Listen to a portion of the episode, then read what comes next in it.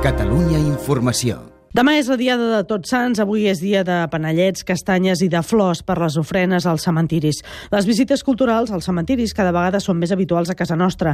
Són una forma diferent de conèixer el passat de les ciutats i descobrir els personatges il·lustres que hi van viure. Ricard Boigas ha fet una visita al cementiri de Tarragona.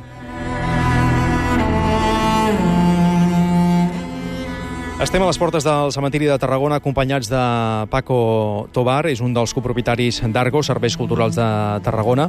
Volem que ens ajudi a conèixer la ciutat a través del seu llegat històric i artístic del seu cementiri.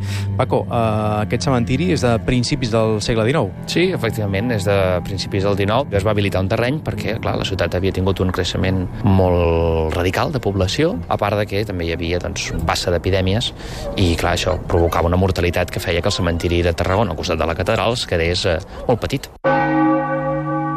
Ara passem un arc de nínxols i ens trobem ara en un espai una mica més recollit del cementiri que hi ha aquí. Bé, estem dins d'una illa moderna, tot de nínxols, on que eh, primers dels anys 90 es va traslladar de la tomba original a les restes òssies del brigadier Joan Smith, un oficial de l'Armada Espanyola que va ser encomanat pel que seria dissenyar el port de Tarragona. Com a autoritat eh, patriota, és a dir, no estava a favor dels francesos, doncs el poble el va anomenar a governador de la ciutat. I així va, va ocupar aquest càrrec fins a primers de 1809, en què va morir víctima de l'epidèmia que precisament va fer obrir aquest cementiri. I és el primer mort que està enterrat aquí. Baixem unes escales i arribem eh, precisament a una de les tombes més significatives, si no la més significativa de, del cementiri. Estem parlant de la del general Theodor Reding. Veiem un rectangle de, de pedra, marbre gris i un sarcòfag agafat eh, per les urpes d'un lleó de, de marbre. És la més destacada del cementiri. Possiblement sigui el personatge més il·lustre.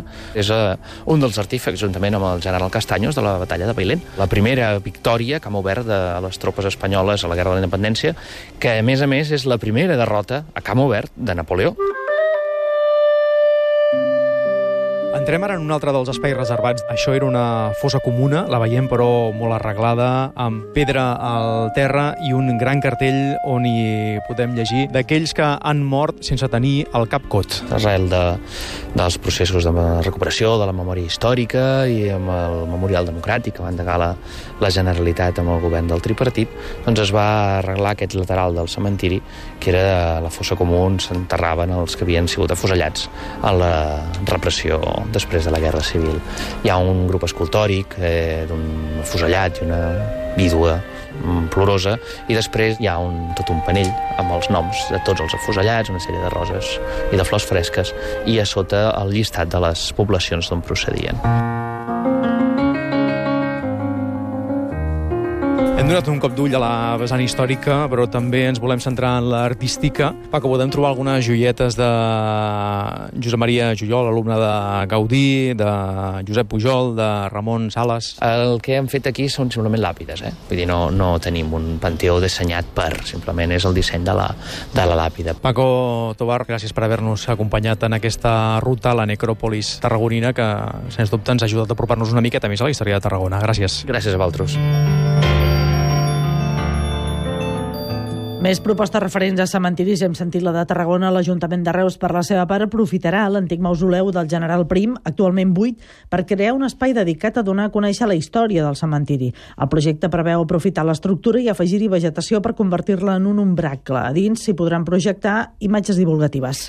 També han projectat la construcció del Jardí de la Cendra. S'ubicarà la fosa número 18, que està buida. S'adaptarà l'espai perquè les persones que ho desitgin puguin dipositar-hi les cendres dels seus difunts. Paral·lelament, ja han començat les obres per construir una nova illa de nínxols que comptarà amb 240 sepultures noves.